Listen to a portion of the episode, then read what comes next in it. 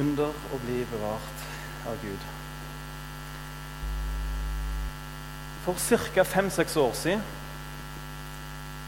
så var jeg utrolig opptatt av eh, Norene snakket litt om disse antennene. Jeg var utrolig opptatt av, når jeg våkna opp hva, hva, skal Gud gjøre i dag? Og, og på en måte, Det, som begeistra meg mest, var å få se konkrete bønnesvar.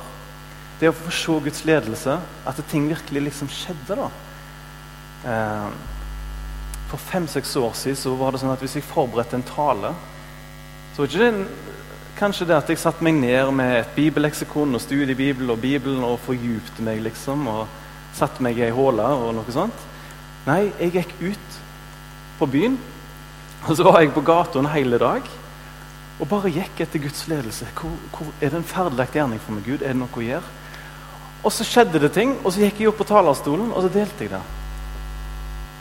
Så før merka jeg fem-seks år så jeg var veldig opplevelsesbasert kristen. Eh, det var det som gjorde meg begeistra. Men nå de siste tre-fire åra så har jeg på en måte, det har skjedd en forandring i meg. Det har gått litt over til at Hva skal jeg kalle det for? Litt tørkeperiode, syns jeg. Det skjer ikke så mye. Det er ikke så mye å skrive hjem til mamma om, føler jeg lenger.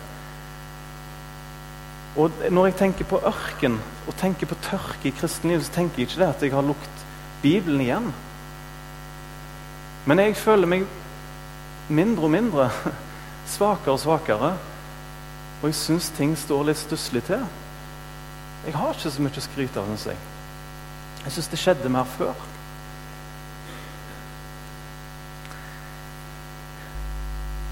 Dette her, sånn som jeg har opplevd det de siste åra, at det ikke skjer så mye i mitt kristenliv, som jeg syns i alle fall. Det har gjort at jeg har måttet gå et par dypere steg inn i Bibelen og se om jeg er på feil spor. Er det noe jeg har misforstått? Og Når jeg leser i apostlenes gjerninger, så skjer det noe liksom hele tida. Og så prøver jeg litt på det samme, men jeg får det ikke til. Og så har det tvunget meg litt inn i Bibelen. Enda mer. Og så har jeg noen vers jeg vil dele med dere som har som jeg sier, blitt godt for meg. De versene vi skal dele med dere nå, det har blitt min, mitt nye ankerfeste. Det har blitt noe som jeg er utrolig blitt, jeg er blitt glad i. det. Jeg har lyst til å dele det med dere. Nå skal vi få opp eh, 1. Peter 1, 3-9. Lovet være Gud og vår Herre Jesu Kristi Far han som etter sin rike miskunn har gjenfødt oss til et levende håp ved Jesu Kristi oppstandelse fra de døde. Til en arv som er uvisselig, og som er oppbevart i himmelen for dere. Dere som ved Guds kraft blir bevart ved troen. Til den frelse som er ferdig til å bli åpenbart i den siste tid. Over dette jubler dere, selv om dere nå en liten stund, om så skal være, opplever sorg ved mange forskjellige prøvelser, for at den prøvde ekthet i deres tro, som er mye mer dyrebart enn gull som forgår, selv om det lutres ved ild, må bli funnet til lov, pris og ære ved Jesu Kristi åpenbarelse. Selv om dere ikke har sett ham elsker dere ham. Selv om dere nå ikke ser ham, tror dere likevel på ham. Dere fryder dere med en usigelig glede, full av herlighet, når dere vinner fram til målet for deres tro, sjelenes frelse. Når jeg sa i stad at jeg gikk ut på gata mye mer før og søkte Guds ledelse som en eller annen antennemann som bare skulle liksom fange opp her og nå. Til at det har skjedd noe i meg som gjør at jeg sitter mer nede med Jesu føtter, på en måte, med Guds ord. Eh, og søker Han der framfor på en måte de antennene. Det er ikke sånn at den ene tingen visker ut den andre. Men jeg har rett og slett nå de siste åra Jeg tror Gud har ført meg inn i en slags skole, en slags undervisning, at jeg skal bli mer avhengig av Han. Jeg skal sette meg mer ned med Han. enn det jeg var før. Og Det er disse tingene jeg har lyst til å dele med dere, så dere, må ikke misforstå meg. Ære være den som har frimodighet til å gå ut på gata og søke Guds ledelse. Men jeg tror i dag så er budskapet aldri glem å sette deg ned ved Jesu føtter og bli bevart hos Han, for det er der ting springer ut ifra. Den teksten her Jeg har eh, delt den opp i tre. A, B og C. Dere ser den første linja jeg har krysset unna, om det å bli bevart. Tenk at det er du som er her, som kanskje har vært kristen hele livet, eller du ble frelst for noen år siden. Det at du sitter her og er glad i Jesus og tror på ham.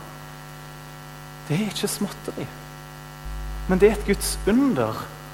Det er rett og slett Guds kraft som gjør at du fortsatt tror på ham og fortsatt vil tilhøre ham.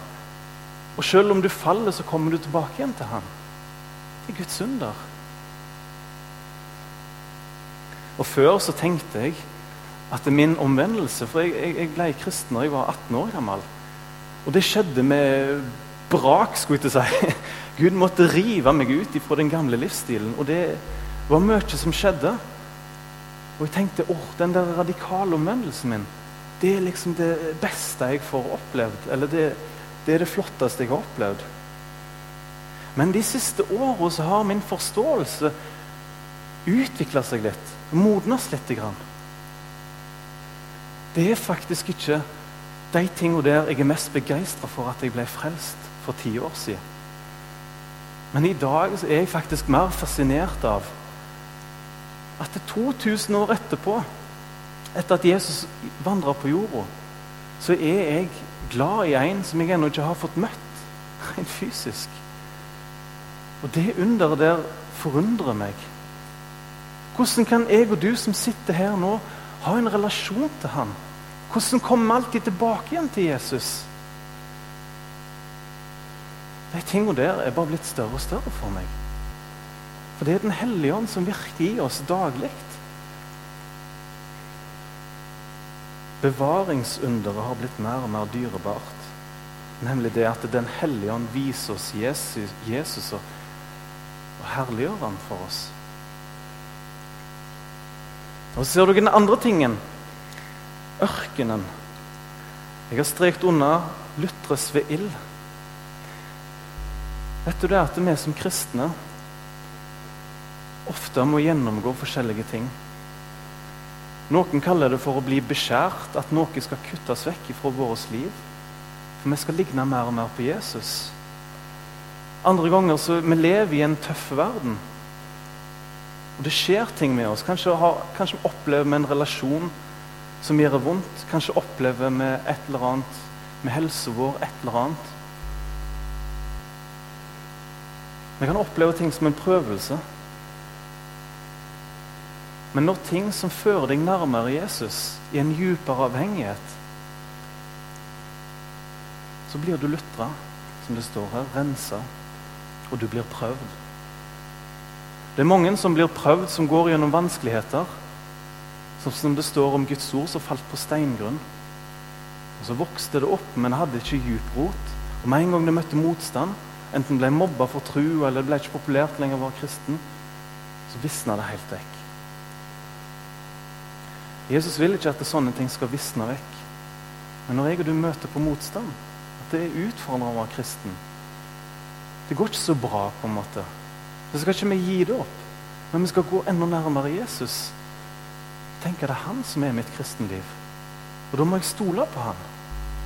Og når sånne ting skjer, så blir du lutra. Du stoler mer på Jesus og mindre på deg sjøl. Og den, den tredje tingen se Selv om jeg aldri har møtt Jesus fysisk Jeg var ikke der når Bibelen ble skrevet. Jeg har ikke snakket med noen av apostlene. Jeg tror ikke du heller har det. Allikevel så har jeg en fred og en glede i mitt hjerte over å ha Jesus. Og det er ganske mange ting jeg er fascinert av her på jord. Jeg er f.eks. fascinert av Elvis. Men jeg er ikke så fascinert av han at jeg begynner å be til han. Eller vie mitt liv til han. Men det er noe unikt med Jesus. Det er et under. At du er her nå, er et under. Og det syns jeg vi skal holde høyere opp og tenke stort om. Ok, Jeg har snakket litt om dette med tørketid. Når jeg opplever tørketid, at selv om jeg holder meg nær til Jesus, så merker jeg at det er tungt. Så, jeg, så kan det være at jeg hører ei stemme som sier Og dette er ikke Gud som sier. Hvordan kan du tro at Gud er med deg så lite som du utretter? Hvordan kan du tro at du er en kristen når det skjer så lite i ditt liv? Det er aldri Gud som sier. Men det er djevelen som prøver å anklage oss og prøver å vippe oss av pinnen. Det er kun én ting jeg har lært når, når, sånne ting skjer. Da har jeg kun én ting jeg kan klamre meg til. Jeg skal få opp et vers. Da tar jeg fram Efeserne 6, 16, og så løfter jeg opp det eneste jeg har, troens skjold. Så gjør jeg sånn som det står, ta fremfor alt troens skjold. Med den er dere i stand til å slukke alle de brennende pilene fra den onde. Alle de angrepene som vi får. Så tenker jeg, Når jeg ikke har noe annet å løfte opp, så løfter jeg bare opp tilliten til Jesus. Jeg har ikke noe annet enn tilliten til Jesus, men det er jammen meg det som duger. òg. Og så blir det sånn for meg at jeg løfter opp en tillit i visshet om at han, han er min styrke når jeg er svak. Og det er sånn det skal være. Jeg skal ikke løfte opp noe annet enn tilliten til Jesus. Og så Det er en annen ting som jeg synes er fantastisk at bibler som sier litt om dette. her. Når vi tror at ting er stusslig, når vi tror at det er et eller annet galt. Men gleden over Jesus er der ennå. Tro på Jesus er der ennå, og så kommer anklagene. Da er det et, et annet vers òg jeg klamrer meg til. Det står i Habakuk 3, 17-19. Selv om fikentreet ikke blomstrer, og det ikke blir frukt på fiken og vintreet, selv om frukten svikter på oliventreet, og marken ikke gir noen føde, selv om småfe er utryddet fra kveen, og det ikke er noe storfe på båsene, så kommer det, så vil jeg likevel fryde meg i Herren. Jeg vil glede meg over min frelses Gud. Herren er min styrke. Han gir meg føtter som dådyrene. Han lar meg fare fram på mine høyder. Det er veldig typisk hvis en står her framme og vitner om noe som skjedde, en helbredelse som en person var med på, eller ah, 'Jeg hørte Guds stemme, og vi gjorde sånn og sånn', eller jeg Når vi hører sånne ting, så kan vi fort sammenligne i vårt eget liv og tenke Hvorfor ikke jeg oppleve så mye sånne ting? Jeg holder meg til Jesus, men det skjer ikke så mye. Vi har lett for å tenke smått når vi hører om sånne ting. Men husk det at du tror på Jesus, det er fortsatt ene og alene det største underet som noen gang kan skje deg. Det at du blir bevart, er det største underet. Men vi har mennesker i Bibelen og vi har mennesker i virkeligheten, eller i nåtiden, mener jeg. Akkurat som det er en motsetning. eh, vi har mennesker som opplever ting. Vi skal se på en i Bibelen. Thomas. Når Jesus kom etter han hadde dødd og stått opp, tre dager etterpå, så viste han seg for disiplene sine, som var redde og trodde alt håp var ute. Og så kom Jesus. Og Så møtte han de, alle sammen, unntatt Thomas. Og Så feirer Jesus igjen, og så kommer Thomas senere etterpå. Og så alle i ekstase. Ho-ho! Vi har møtt Jesus! Han, han, var her inne. Og ti personer står og vitner om dette her til Thomas. Og Thomas han sier nei. Hvis jeg ikke får se han sjøl og stikke fingeren inn i hendene og inn i såret hans, så kan ikke jeg tro. Og så går det åtte dager, og Thomas hører på de ti disiplene og de andre kvinnene som hadde fått sett Jesus. Men han ville ikke tro før han sjøl hadde opplevd det som han sa. Og så kommer Jesus, og så møter han denne vriene Thomas.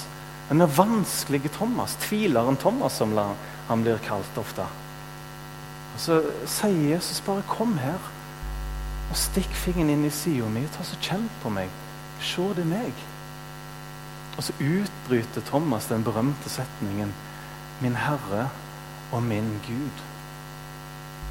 Og så sier Jesus dette til ham. Fordi du har sett meg, Thomas, er du kommet til tru. Men salige, lykkelige, velsigna er de som ikke har sett, men likevel tror. Jeg har nå, Når jeg har forberedt denne talen, så har jeg nettopp funnet på en ny regel. Eller en sånn en, en, en uh, huskeregel. Ti-én-regelen. Ti-én-regelen. De aller fleste som blir kristne Mange har blitt det ifra de har vokst opp, ifra de har blitt døpt. Og de har kanskje ikke den store historien å fortelle om. Det sterke vitnesbyrdet at det der kom Jesus bare wow! De fleste har kanskje ikke en sånn historie. Mange jeg kjenner som kristne, de har ikke opplevd et sånt stort mirakel. At de ble frelst på sånn og sånn måte. Men det hender av og til. Noen vriene mennesker som trenger en liten særbehandling, en lite ekstra touch. 10-1-regelen kaller jeg det for. Et lite sånn bevis på det at de aller fleste tar imot Jesus på en stille måte. Det får vi høre når Peter har det første forkynnelsen til de, til de um, hedningene i Kornelius sitt hus. Skal vi få opp til bibelverset? Peter taler nå til en bunch med hedninger i et, i et hus. Og så står dette her. Mens Peter ennå talte disse ord, falt Den hellige ånd på alle dem som hørte ordet. 10-1-regelen sier det at de aller fleste de opplever å komme til tro på den måten. En dag så opplever de at de stoler på Jesus. En dag så opplever de at de er blitt glad i Jesus. En dag opplever de at noe har skjedd. En dag opplever de at de trenger Jesus. Veldig få kan sette fingeren på dato og tid og sånn og sånn. Det har skjedd noe. Jeg håper du som er her, som tenker jeg ville hatt en sånn historie. Så jeg håper at du kan bare sette deg ned og være takknemlig til Jesus. At du er frelst. Jeg håper det. Det er det som jeg vil oppmuntre dere med. Men så er det ingen selvfølge å bli bevart. Når du er blitt en kristen eller er en kristen og har vært det hele livet, det er ingen selvfølge. Derfor så sier, skriver Johannes i noen vers rett etter, etter at Thomas har fått uh, møte Jesus, så sier så skriver han disse ordene her. Men disse ord og tegn er skrevet ned for at dere skal tro at Jesus er Kristus, Guds sønn, og for at dere, skal, ved, ved, at dere ved tro skal ha liv i hans navn. Altså Dette her betyr at troen trenger næring. På samme måte som du kom til tro, blir du også bevart med å høre Guds ord. Og Den viktigste gudstjenesten du kan gjøre, faktisk, den viktigste tjenesten du kan gjøre, er å komme regelmessig på møter. De første kristne de kom, de møttes på Herrens dag, står det. Altså søndagen regelmessig. Og de som ikke møttes Dette står ikke i Bibelen, men det er den, den eldste kristne beskrivelsen av de første kristne. De tok alltid nattverd på søndagen. Den kristne forsamlingen tok alltid nattverd. Og Hvis det var noen som ikke kunne komme pga. sykdom eller et eller annet som forhindra dem, så var det diakoner i menigheten som tok med seg nattverden og gikk på besøk til dem. For ingen måtte gå ei uke uten å ha hatt et møte med Jesus, uten å ha et påfølg. Så alvorlig tok de første kristne det med å komme på gudstjenesten. Og det, når jeg leste om det, så tenkte jeg vet du hva, sånn skulle vi gjort her i Salem òg. hvis jeg liksom, Eimund, hvis han var vekke, her en lørdag så gikk vi hjem til han et par stykker. Hva feiler deg i dag, da? Så nå har vi nattverden til deg. Det viser litt grann hvordan de første kristne var. At vi òg bør tenke sånn om å komme oss på møter. En gang i veka. Og jeg er glad for at i kveld så skal vi ha nattverd. Og De samla seg òg i hjemmene, de første kristne.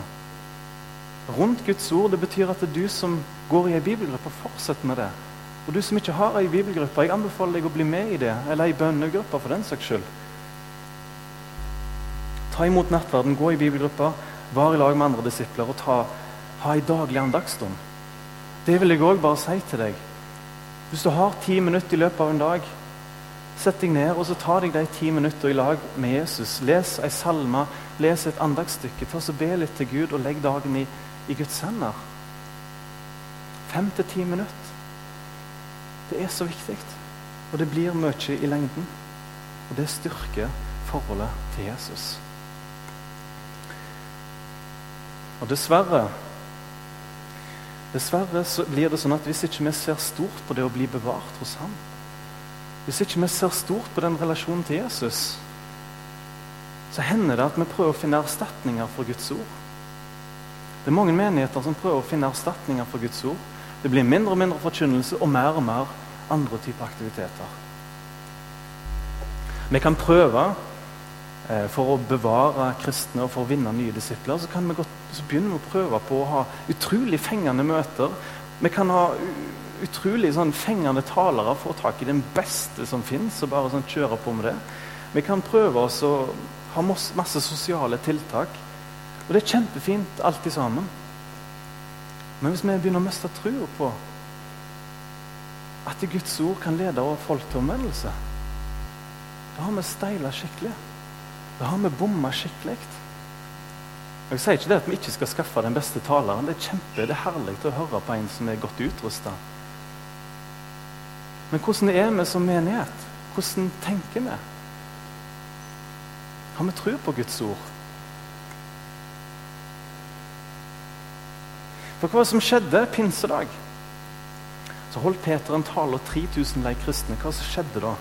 Nå vil jeg se litt på det med Guds ord. Jeg kan få opp neste. Peter har akkurat hatt en tale etter pinsedag. 120 personer har fått Den hellige ånd. Og så kommer Peter og har en tale til masse folk som det strømmer folk rundt, for de hører at det skjer noe. Og så skjer dette her etter talen. Da de hørte dette her, de, Jødene hørte det at de hadde vært skyld i å korsfeste Guds sønn. De, hadde, de fikk sannheten lagt fram, det som hadde skjedd. Og så står det da de hørte dette, her, så skar de dem i hjertet. Og de sa til Peter og de andre apostlene, menn og brødre, hva skal vi gjøre? Da sa Peter til dem, omvend dere, og enhver av dere skal la seg døpe på Jesu Kristi navn til syndenes forlatelse, og dere skal få Den hellige ånds gave. Jeg er så glad for at de 120 disiplene de, de samla seg ikke i en komité og lagde styrer inne i den øvre salen og drev og hadde sånn OK, hvordan skal vi nå folket her nå, da?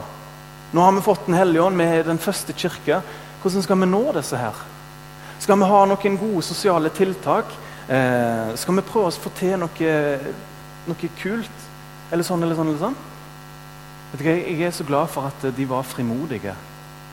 Og så gikk de bare rett ut og forkynte Guds ord til dem. Tenk hvis de 120 hadde sittet der inne og lagd sine komiteer og forskning og alt mulig. Hvordan skal vi nå ut? sånn som vi ofte kan gjøre i dag. Vi vrir hodet, vi leser bøker, vi stresser livet av oss. Hvordan skal vi finne, vinne inn til? Hvordan skal vi få liv i menigheten? Og så glemmer vi at det enkle er ofte det beste. Begynn å dele Guds ord med hverandre. Begynn å dele Guds ord med de utenfor. Jeg er så glad for at Peter og de, de gikk ut til folket. De bare gikk. Og så er det én ting som jeg vil ta opp òg. Nemlig det skjedde et stikk i deres hjerte. Leste du det? Eller jeg leste jo det. Hørte du det? Det skjedde et stikk. Det var et eller annet som traff dem. Kanskje ble det litt vondt for dem. Kanskje fikk de dårlig samvittighet. De ble truffet av noe. Dette stikket kaller vi for et anstøt. Og når du opplever sånne anstøt, når det er Guds ord som blir forkynt, og det er rett og det er sant, og du kjenner et sånt stikk Da kan du av og til kanskje gå vekk ifra det og tenke at det vil jeg ikke ha.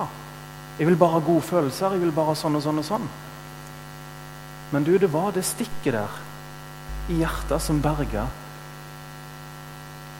at vi sitter her i dag. At menigheten gikk utover og til slutt nådde Norge for 1000 år siden. Det var at det skjedde et stikk i samvittigheten til folk som førte at de omvendte seg. Jeg vet at folk, når de hører forkynnelse, så kan de kjenne Au! Dette vil jeg ikke ha! Og så misforstår de hele greia. At istedenfor å gå til Jesus når du har fått et stikk i hjertet, så går de til en annen menighet. Eller en annen menighet der igjen, der det ikke er så utfordrende. Der de ikke merker dette stikket lenger. Jeg håper du kommer til Jesus når du blir truffet. Og hvis du blir truffet av en dårlig samvittighet som ikke er fra Guds ord, som er menneskeord ikke forankra i Bibelen, da må du gi beskjed. For da er det en dårlig samvittighet som ikke er ifra Gud, men en annen ånd. Men hvis du blir truffet når du kjenner at det er faktisk sannheten, det er Guds ord, så kom til Jesus. For det er Guds tukt at du skal komme til ham. Jeg har et bevis på det òg. Det står i uh, 1. Korinterbrev 1, 21-23. Dette her er strategien til Gud, folkens. Når Paulus skulle forklare strategien til korinterbrevet, så sa han dette her. Og han hadde fått det åpenbart av Jesus sjøl. Der det står For siden det var Guds visdom at verden ikke skulle kjenne Gud ved sin egen visdom, var det også Guds rådslutning å frelse dem som tror ved forkynnelsens dårskap. For jøder ber om tegn, og grekere søker etter visdom. Men vi forkynner Kristus korsfestet, for jøder et anstøt og for grekere en dårskap.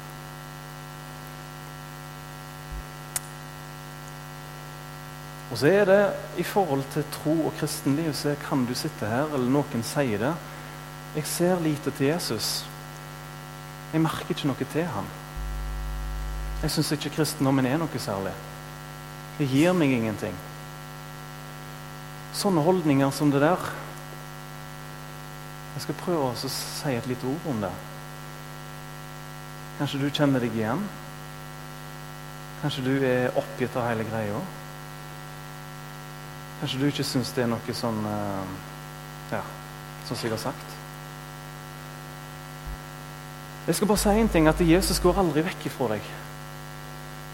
Jesus er ikke den som er liten. Jesus er ikke den som er svak.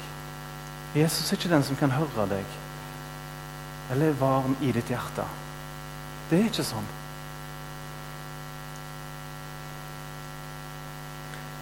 Men hva er det for noe, da? Jo, når Jesus aldri går bort ifra oss, for han er trofast.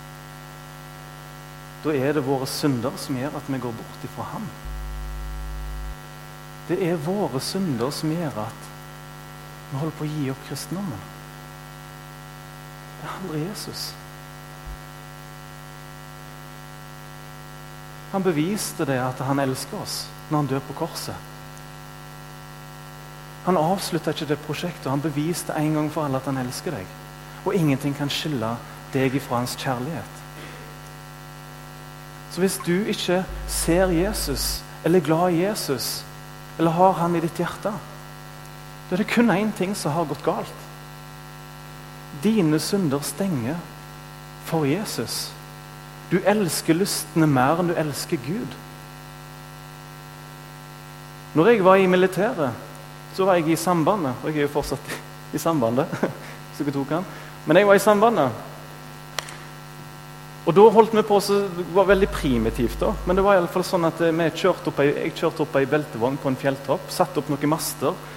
Og en mil lenger borte så var det en annen beltevogn. Så skulle vi gi liksom signal fra én en ende av Bardufoss til en annen ende av Bardufoss. Og det skjedde med at beltevogner sto på toppene og sendte signal bort igjen. Jeg har ikke helt tro på at de greiene funker så bra i, i, i, en, i en, krig, men uh, det var noe sånn vi gjorde det. men når vi stilte inn signaler, uh, så var det av og til vi ikke fikk signal i det hele tatt. Og når vi tok kikkerten opp eller så på kartet, så fant vi ut at det er en hel haug, det er en hump som er i veien, eller en skog vi treffer. Og Derfor vi ikke fikk signal. Så Det vil jeg bare si som et bilde. Hvis du ikke, hvis du ikke har Jesus i ditt hjerte Hvis ikke, hvis ikke det, er noe, hvis det er noe brudd der, da er det et eller annet som har kommet i veien, som du, du må sette deg ned og bli ransakt. Gå i Guds ord og finne ut hva er det La det være autoriteten. La det være sannheten. Og det du kjenner på i din samvittighet, som du elsker høyere enn Gud, omvend deg ifra det. Og kom til korset. Jeg har lyst til å dele et vers som jeg syns er fantastisk på akkurat de tingene der. Matteus 5,8. Salig er de rene av hjerte, for de skal se Gud. Det er mulig å se Jesus med ditt hjerte. Det er mulig å elske han selv om du ikke kan være med han fysisk. Det har vi lest allerede. Og hva skjer når du ser Jesus? Hva ser når du har han foran deg? Hva er det viktigste i ditt liv? Hva skjer da? Det skjer noe spesielt. Jeg skal få opp et nytt vers, det siste verset. Andre Korinterbrev 3,18. Men vi alle som er utildekket ansikt Det betyr at du har fått åpenbart Du har fått åpenbart evangeliet og fått åpenbart Jesus. Du har fått blitt kjent med ham. Ansikt ser Herrens herlighet som i et speil og blir forvandlet til det samme bildet fra herlighet til herlighet som av Herrens ånd. Det ene bildet der er ei som ser i Bibelen, og så ser hun Jesus. Fordi speilet er Bibelen. Og når du ser i Bibelen, eller ser på en måte i speilet Det er ikke deg sjøl du ser lenger. Men du ser Jesus Kristus foran deg. Når du får øye på han og holder blikket festa på han, så begynner du å ligne på han mer og mer. Når du er kjent med hvordan han er, hvem han er, og at han bor i ditt hjerte, så blir du forvandla på den måten der med at du blir bevart med at du ser på Jesus daglig. Han er viktigst for deg. Da blir vi helliggjort. Vi begynner å handle og tenke som Jesus. Og vår karakter, livsstil og vitnesbyrd det vil dra andre imot Jesus. Det verden trenger, folkens, er helliggjorte menn og kvinner som forvandles til det samme bildet av Jesus. Verden trenger å se oss bli herliggjort. Og Når vi ligner på Jesus, så er det noe som ikke ligner på det som verden har å by på. Og Det vil komme som en duft ifra deg. Folk vil merke at det er noe annerledes med deg. Og faktisk skal det være sånn at hvis du er kristen, så skal andre mennesker se på ditt liv og vite at du er en kristen. Ditt liv skal vitne om Jesus. Og så syns jeg det er så herlig at det, ditt fokus er å falle ned for Jesu føtter og se på ham, så skal han ta seg av den forvandlingen. Tar dere imot dette budskapet? Ja, men det er bra. Gud velsigne deg som sa et ja. det. Tusen takk. Vet du hva, Dette her er så gode nyheter, syns jeg. Jeg har, jeg har, nettopp delt og vært personlig med mitt eget liv. Ting som jeg hadde fokus på før, som holdt på å havne meg inn i en trelldom, havne meg inn i en mismodighet. Så kom jeg ut av det, så forsto jeg at jeg må prioritere å sitte med Jesu føtter før jeg i det hele tatt finner å tenke på å gå ut på gata. Og Det er så befriende å få være kristen på den måten. For da blir Jesus stor, og så skal vi få være små, og så skal han få virke gjennom oss. Så ta imot dette budskapet. Disse bibelversene her, de er ikke ifra meg.